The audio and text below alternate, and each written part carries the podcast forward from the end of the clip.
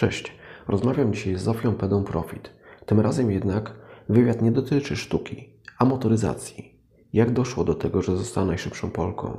Gdzie leży Bonneville? Jakie to uczucie być w klubie 200 mil na godzinę? Zastanawiasz się nad tym? Ja też. W takim razie zapraszam na podcast. Przed Wami Zofia Peda Profit. 10, 9, 8, 7, 6, 5, 4,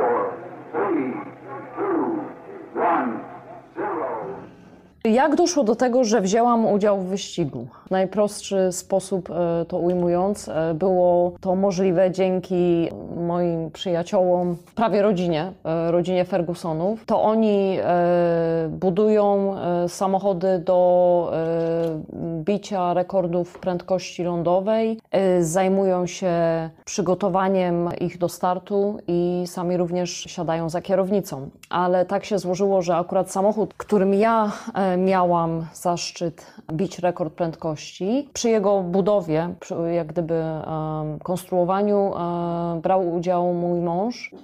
Niestety ze względu na stan zdrowia sam nie mógł być kierowcą. No i e, Fergusonowie stwierdzili, że ważne, żeby się nazwisko zgadzało i zaproponowali mi możliwość wzięcia udziału w tym fantastycznym przedsięwzięciu. Także w roku 2008 w sierpniu pojechaliśmy do Bonneville. To jest Bonneville to w zasadzie jest e, nazwa e, słonej pustyni w stanie Utah, na granicy pomiędzy e, Nevadą i Utah i tam odbywają się właśnie wyścigi, a raczej próby bicia rekordów prędkości, bo to nie jest wyścig jako taki, gdzie startują dwa samochody, trzy, cztery samochody koło siebie. Jest to po prostu e, wyścig z czasem i, i z ustanowionym już e, rekordem. Jak często odbywają się wyścigi? Bądź też właśnie, mm, żeby to sprecyzować, próby pobicia istniejącego rekordu. Otóż odbywają się dwa razy w roku. Pierwsza to jest Speed Week w sierpniu i tak jak nazwa wskazuje, jest to tygodniowe wydarzenie. E, drugie spotkanie odbywa się w październiku i wtedy jest to już krótsze, krótsze spotkanie. Teoretycznie dwa razy w roku, ale zdarza się tak, że po prostu ludzie przyjeżdżają z samochodami, z całym sprzętem i niestety wracają do domu, e, bo wyścigi się nie mogą odbyć. Jaki jest koszt e, startu? No w zasadzie ja mogę to opisać z mojego punktu widzenia. Ja rodzinę Fergusonów znam od wielu lat i często bywałam u nich w warsztacie, w garażu i koszt e, startu mogę opisać tylko w sensie ilości godzin włożonych w to. Dlatego, że w przypadku Fergusonów e, to jest już trzecie pokolenie, które projektuje i buduje samochody do bicia rekordów prędkości. Oni posiadają tych samochodów kilka. Zaczął ich e, dziadek, czyli Don Ferguson e, senior w latach gdzieś 60.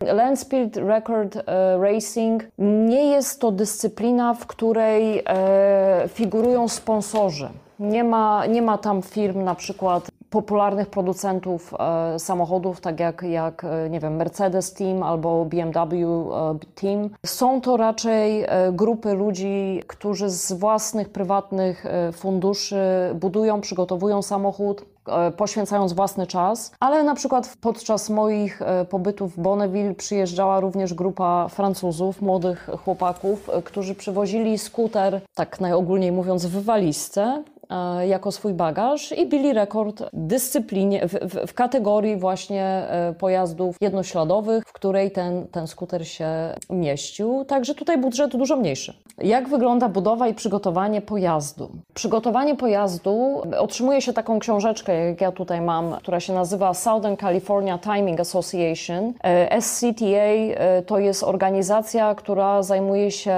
przygotowywaniem przepisów i zasad, y, które pojazdy i również kierowcy muszą spełniać, żeby y, ustanowiony rekord został zaakceptowany. Tak jak widać, jest to książeczka dosyć, y, dosyć gruba i ona precyzuje dokładnie, jakie są wymogi dotyczące również każdej kategorii pojazdów.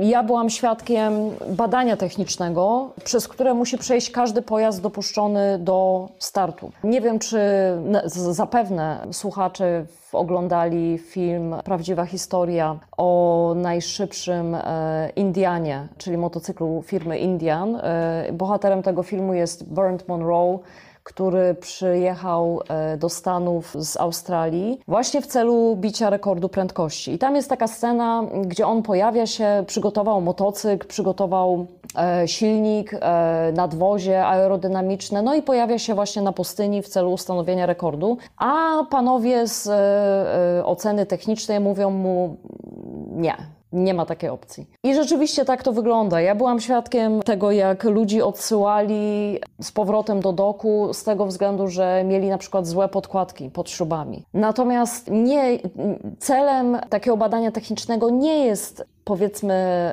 usidlenie kogoś, jakieś tam, nie wiem, zrobienie problemów, a kwestia bezpieczeństwa. Natomiast badanie techniczne ma na celu zminimalizować e, ryzyko. Poza badaniem technicznym samego pojazdu, które oczywiście musi mieć, w zależności od kategorii, musi mieć odpowiednią konstrukcję, musi mieć e, system gaśnic, które są uruchamiane z wnętrza pojazdu. Przy większej prędkości musi mieć spadochron, żeby zatrzymać się, e, zwolnić pojazd na końcu toru jazdy. Poza tymi wszystkimi kwestiami technicznymi jest również test e, umiejętności kierowcy wydostania się z pojazdu. To jest jedyna rzecz, jaka obowiązuje e, kierowcę. Nie gra roli wiek. Najmłodsze osoby, które dostały się do klubu i biły rekord prędkości, to są osoby w wieku 16 lat, dlatego że e, to jest w niektórych stanach granica, minimalna granica wieku, w którym można zdobyć prawo jazdy. A prawo jazdy trzeba mieć. Więc kwestia wieku nie gra roli. Od 16 lat do 82 lat. Kwestia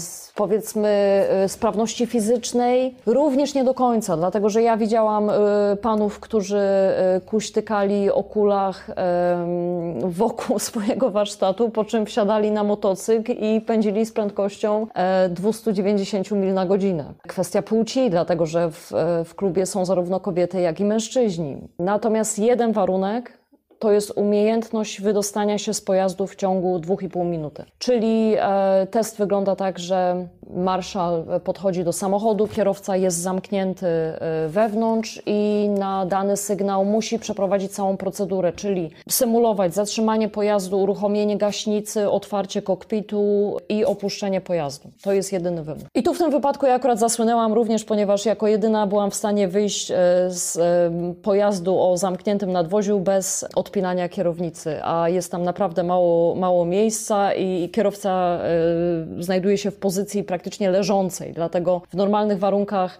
należy zdjąć kierownicę i dopiero wysiąść z samochodu. Ja dzięki dużej elastyczności byłam w stanie e, opuścić pojazd bez robienia tego. Także mój, mój powód do chwały na, na placu Bonneville. Tak. Czy są modele, silniki, które są wskazane do budowy pojazdu? To jest bardzo ciekawe pytanie, bo ja to samo pytanie zadałam e, do niemu, Fergusonowi. Kiedyś siedzieliśmy u niego w warsztacie i on stał przy komputerze i analizował wyniki e, jednego z silników. I odpowiedź brzmi nie, nie ma, dlatego że ja go pytałam, e, pytałam go w kontekście tego, oczywiście akurat w wypadku pojazdu, w którym ja biłam rekord, to był silnik Forda z 52 roku z turbiną na zwykłej, e, na zwykłej benzynie. I pytałam go, ile modyfikacji, kiedy on wie, że, da, że wycisnął już z danego silnika wszystko, co jest do wyciśnięcia. Jego odpowiedź jest, nie ma takiej granicy. Dlatego, że liczba konfiguracji, jakie można zestawić do każdego silnika,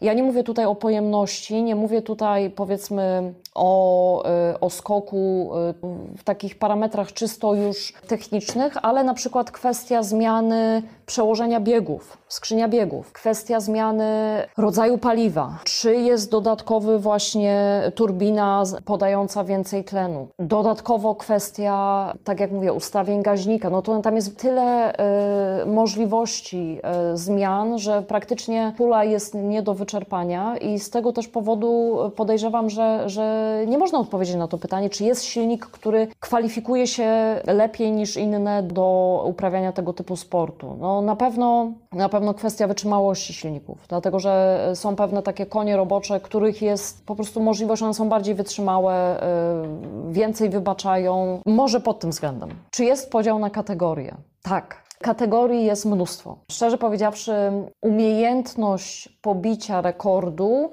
w dużej mierze łączy się z umiejętnością znalezienia odpowiedniej kategorii. Tak jak mówię, ja akurat miałam to szczęście i ten zaszczyt, że wpadłam od razu pomiędzy ludzi, którzy są profesjonalistami w tej dziedzinie. Oni, oni od tylu lat zajmują się przygotowywaniem samochodów w różnych kategoriach, mają ogromne doświadczenie i dzięki temu posiadają e, jak gdyby na swojej liście bardzo dużo rekordów e, ustanowionych przez różnych, różnych kierowców kilkoma samochodami. Ale na przykład znam też osoby, które przygotowywały się do zbudowania samochodu e, bądź motocykla do bicia rekordów. I tutaj rzeczywiście należy taką książeczkę jak ta wziąć do ręki i zanim zacznie się budować samochód, należy sprecyzować, w której kategorii i jakie są osiągnięcia w danej kategorii. Bo tak pokrótce mówiąc, na przykładzie mojego osiągnięcia, ja biłam rekord w kategorii samochodu specjalnej konstrukcji, vintage, czyli stary silnik. To nie jest silnik nowy, tylko to jest silnik starego samochodu. Nadwozie streamlined, czyli e, aerodynamiczne. I dodatkowo jeszcze rodzaj paliwa, czyli zwykła benzyna. A tym samym samochodem trzy dni wcześniej znajomy pobijał rekord e, w innej kategorii. Jedyną różnicą było to, że on jechał używając mieszanki paliwa. Takie drobne zmiany praktycznie y, zmieniają całą kwalifikację danego pojazdu. Pierwszy podział to jest, czy pojazd jest um, czterokołowy, czy jest dwukołowy. Podejrzewam, że e, kategoria trójkołowców również się znajdzie. Druga rzecz to jest właśnie, czy samochód należy do y, grupy vintage, czyli starej ramy, starego silnika, czy jest to od nowa zbudowany pojazd typowo skonstruowany do bicia rekordów. E, trzecia rzecz, e, rodzaj nadwozia. E, rodzaj nadwozia typu roadster, czyli otwarte nadwozie z odsłoniętymi kołami, a przeciwieństwem tego są e, nadwozia typu streamline, które są e, aerodynamiczne i w pełni zamknięte. Tak jak mówiłam, rodzaj paliwa, czy jest to czysta benzyna, czy jest to mieszanka z nitro. W kategorii motocykli po raz kolejny mamy, mamy te tradycyjne y, motocykle na ramię tworzonej przez jakiegoś producenta typu Indian, typu powiedzmy Harley, typu Norton i tylko zmodyfikowane pod kątem mocy silnika i powiedzmy opon i tak dalej. A są też pojazdy budowane y, tylko po to, żeby, żeby bić nimi rekordy prędkości. Zazwyczaj wtedy wyglądają dosyć ciekawie. Y, w zasadzie nie przypominają przypominają nawet, nawet e, motocykli takich, jakich my znamy z, powiedzmy z ulic. Także tutaj kwestia różnorodności ogromna. I jest również kategoria ciężarówek. Ciężarówek, które e, jeżdżą na oleju napędowym. E, od kilku lat weszła również kategoria pojazdów elektrycznych. Bardzo ciekawy był taki projekt, gdzie jeden z e, koledży amerykańskich, tam z rejonu właśnie, wydaje mi się, że to chyba był college e, w Nevadzie, sponsorował grupę uczniów, którzy jako taki projekt, projekt szkolny, projekt jakiegoś takiego powiedzmy zaliczenia przedmiotów, zbudowali samochód elektryczny napędzany silnikami elektrycznymi do bicia rekordów prędkości. Także, także dla każdego coś się znajdzie.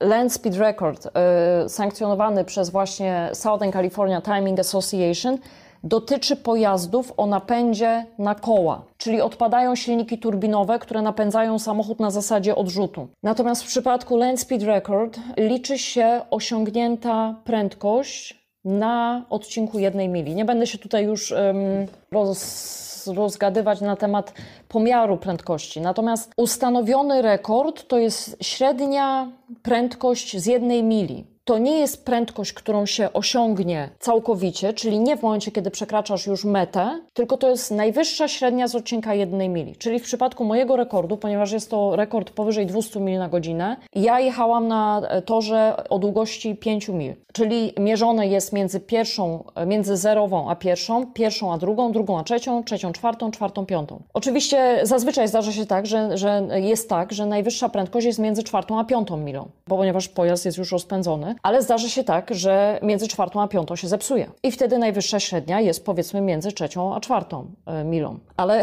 żeby tego nie komplikować, e, to jest, to jest właśnie ciekawe do opisania, dlatego że nie ścigam się z moim oponentem, który jedzie koło mnie. Nikt mi nie wisi na ogonie. Ja nikogo nie gonię. Ja muszę rozpędzić pojazd na tych pięciu milach, nieważne ile czasu mi to zajmie, bo czas nie jest mierzony, jest zmierzona prędkość na odcinku mili. I moje doświadczenie za kierownicą w 100% uzmysłowiło mi to, bo obserwując te wyścigi z zewnątrz, dlatego że ja przebywałam tam na pustyni w zasadzie no, kilka dni. Tak jak mówię, e, cała, cała impreza trwa tydzień, więc tam pierwsze cztery dni człowiek troszeczkę ma szansę popatrzeć, jak to ludzie robią. Ja mogłam jeździć również z rodziną Fergusonów i ich załogą techniczną e, w samochodzie, tak także miałam tam szansę popytać, popatrzeć i tak dalej. Stoję na linii startu. Samochód jest odpalany z zewnątrz, czyli e, ja jestem już zamknięta wewnątrz.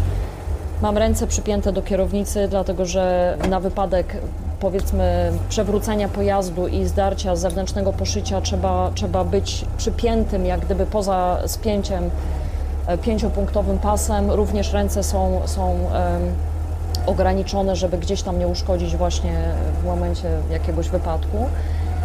Samochód jest odpalany z zewnątrz. Ja oczywiście mam pełną władzę nad nim, dlatego że to nie jest tak, że ja wsiadam i tylko trzymam kierownicę i jadę. Tam jest tak jak w normalnym samochodzie, jest sprzęgło, jest gaz. No hamulec jest taki umowny, bo hamulec jest powiedzmy kwestią już mm, mniejszej wagi. Natomiast e, skrzynia biegów ma powiedzmy określoną liczbę y, pięciu biegów akurat w tym wypadku. Jest to skrzynia pneumatyczna, nie mamy dźwigni zmiany biegów. Biegi zmieniamy za pomocą przycisku na kierownicy. Jest to skrzynia sekwencyjna, czyli po kolei zwiększam biegi, nie zmniejszam ich. Natomiast po odpaleniu ja siedzę już w środku, silnik działa, oczywiście e, nie spuszczam nogi sprzęgła, ponieważ pierwszy bieg jest ustawiony wysoko, to samochód jest wypchnięty z linii e, startu przez tak zwany push truck, czyli ciężarówkę, która go po prostu wypycha. I w momencie, kiedy osiągnę prędkość tak gdzieś 20-30 mil na godzinę, oczywiście nie mam tam prędkościomierza wewnątrz, tylko obrotomierz, więc ocenia się to tak na oko. W momencie, kiedy, kiedy osiąga już tą prędkość około 20-30 mil na godzinę, powoli e, puszczam sprzęgło i w tym momencie e, samochód zaczyna poruszać się o własnych siłach. Jestem na pierwszym biegu. No dla mnie na przykład bardzo takim stresującym momentem właśnie był ten, ten, ta chwila ruszenia o własnych siłach, dlatego że wielokrotnie się zdarza tak, że ludziom puszczają nerwy, adrenalina, stres i w tym momencie dochodzi do zaduszenia silnika, no i niestety jest koniec, bo, bo to już jest wyścig. To już w tym momencie, jeżeli samochód zgaśnie w tym momencie, no to już jest koniec jak gdyby przejazdu. I wówczas Don Ferguson oczywiście poinstruował mnie, do jakich obrotów ja mam utrzymać samochód na pierwszym biegu, zanim wrzucę przysłowiowo wrzucę dwójkę. Dla mnie to była wieczność. Ja, mi wydawało się, że ja już jestem na, gdzieś na trzeciej mili, tu już się wszystko kończy, a ten samochód się strasznie wolno rozpędza. Tutaj muszę dodać, że te samochody są potwornie ciężkie. To nie są lekkie samochody. One mają swoją wagę. Cel tego jest taki, że one muszą mieć trakcję. Ta pierwsza część, kiedy człowiek patrzy na zegar i czeka, aż obroty wzrosną do takiego momentu, kiedy można wrzucić dwójkę, no to to jest po prostu, dla mnie to był najbardziej stresujący moment i rzeczywiście wyczekałam do tych obrotów, które Don mi wskazał, no i w tym momencie rzeczywiście dwójka i samochód ach, odetchnął. A później wszystko już się dzieje szybko. Później dwójka, raz, dwa, trzy, trójka i obroty wzrastają bardzo szybko. W momencie, kiedy ja już byłam, miałam piąty bieg, dopiero minęłam jedną, pierwszą milę. Czyli tak naprawdę to jest wszystko w naszej głowie, bo ten czas, kiedy nic się nie dzieje, e, jest, jest taki e, frustrujący trochę, że może coś jest nie tak, że że czemu tak wolno. Natomiast rzeczywiście, jak ten samochód już osiągnie prędkość, to on później chce jechać. I, i rzeczywiście później już wszystko, jest taki moment y, ciszy, takiego y, spokoju. Człowiek tak chwileczkę pomyśli, no dobra, za chwilę będziemy się zatrzymywać. Po bokach toru znajdują się takie olbrzymie znaki, które mówią, w którym miejscu jesteś. Czyli najpierw jest pierwsza mila, druga mila, trzecia, czwarta, piąta. I rzeczywiście, jak już byłam e, w tym momencie piąty bieg, wszystko dzieje się ok, miałam chwilę, żeby pomyśleć, aha, ok, dobra, minę piątkę i trzeba będzie pomyśleć o zatrzymywaniu się. Tak nawiasem mówiąc, w moim wypadku cała ta fascynująca przejażdżka trwała 2,5 minuty. E, co jest też ciekawe, to ten samochód jest długi. Go tutaj właśnie, tak jak widać na, na zdjęciu, to jest naprawdę kawał pojazdu. On jest niski, kierowca y, jest w pozycji praktycznie leżącej. Silnik znajduje się za kierowcą, dlatego nawet nie słychać hałasu. W kasku praktycznie no nie, ma, nie ma czegoś takiego, że, że oczywiście, że, to, że człowiek czuje silnik, bo czuje nawet wibracje całym ciałem, e, to jak pracuje. Natomiast co było bardzo ciekawe, tam mm, również na linii startowej marszał, który daje znak do startu, też e, pochyla się i mówi na przykład kierowcy, jeżeli jest taka sytuacja, że któraś część e, kursu jest wyznaczonego pasa jest kiepskiej kondycji, lepszej kondycji, on takie wskazówki, takich wskazówek udziela, ponieważ to jest też taka sprawa, której, której ludzie, bardzo, bardzo ciekawi są ludzie tego, jak, jak, jakie to jest podłoże sól. Czy to jest twarde, czy to jest miękkie, czy to jest śliskie, czy jest sypkie, tak jak piasek. Jest twarde, nie jest to bynajmniej piaszczyste, tak jak plaża, po której się chodzi gdzieś tam nad morzem, ale też powstaje na tej soli taki granulat, czyli tak jakby e, luźna, luźna nawierzchnia, która powoduje, że, że robi się trochę niebezpiecznie, bo można wpaść w poślizg, można stracić e, kontrolę nad pojazdem. Dlatego tam takie wskazówki właśnie ludzi, którzy przygotowują ten pas startowy są, są bardzo celne. I właśnie Marshall, kiedy ja startowałam, no to tam powiedział mi, że mam się trzymać e, prawej strony, bo po lewej jest rzeczywiście taka luźna nawierzchnia i, i należy trochę na nią uważać. Co jest ciekawe, ten pojazd, mimo że jest bardzo ciężki, praktycznie jest tylko parę centymetrów ponad powierzchnią toru. On, jest, on jest, ma bardzo niskie zawieszenie. Wydawać by się mogło, że taki pocisk z wyglądu powinien być stabilny, jeśli chodzi o prowadzenie. Otóż nie.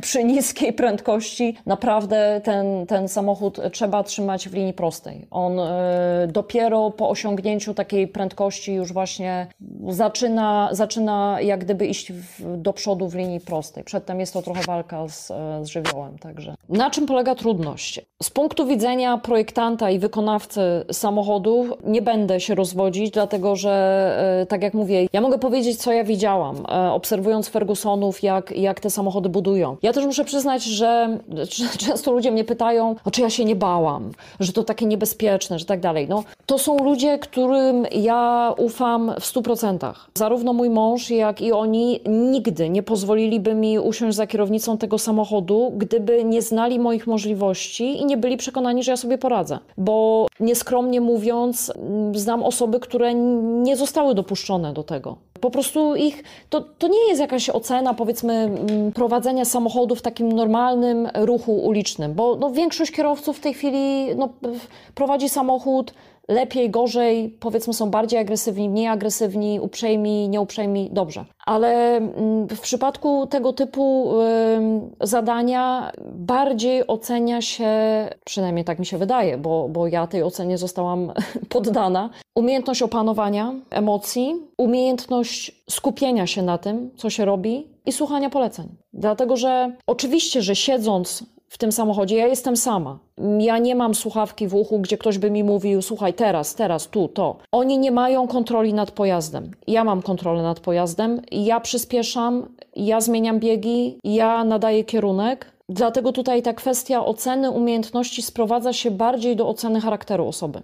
Czy, czy dochodzi do wypadków podczas, e, jak często dochodzi do wypadków? Dosyć zdarzają się, zdarzają się wypadki. Ja osobiście, będąc dwa razy podczas wyścigów w Bonneville, bo byłam również e, na pustyni w El Mirage, niestety zdarzają się wypadki. Zdarzają się wypadki śmiertelne. E, no jest to jak gdyby nieunikniona część e, tego typu prób. Kiedy dochodzi do tych wypadków? Zazwyczaj albo na linii startu, dlatego że kierowca jak gdyby e, no, nie, nie trzyma nerwów na wodzy i po y, dodaniu gazu y, samochód traci przyczepność i w tym momencie jak gdyby zaczyna się obracać. I drugi taki moment, e, poza oczywiście e, prędkością, gdzie różne rzeczy mogą się zdarzyć, to jest moment, kiedy należy wyhamować, bo po przekroczeniu piątej mili e, ta trasa jest wygładzona jeszcze na jakimś tam odcinku powiedzmy 7-8 mil. Jeżeli ktoś się nie zatrzyma, to po prostu będzie jechał dalej. Może jechać tak daleko, aż, aż się nie zatrzyma, dlatego że to jest pustynia. Oczywiście, że tam dalej to już nie jest gładkie, to już są takie, takie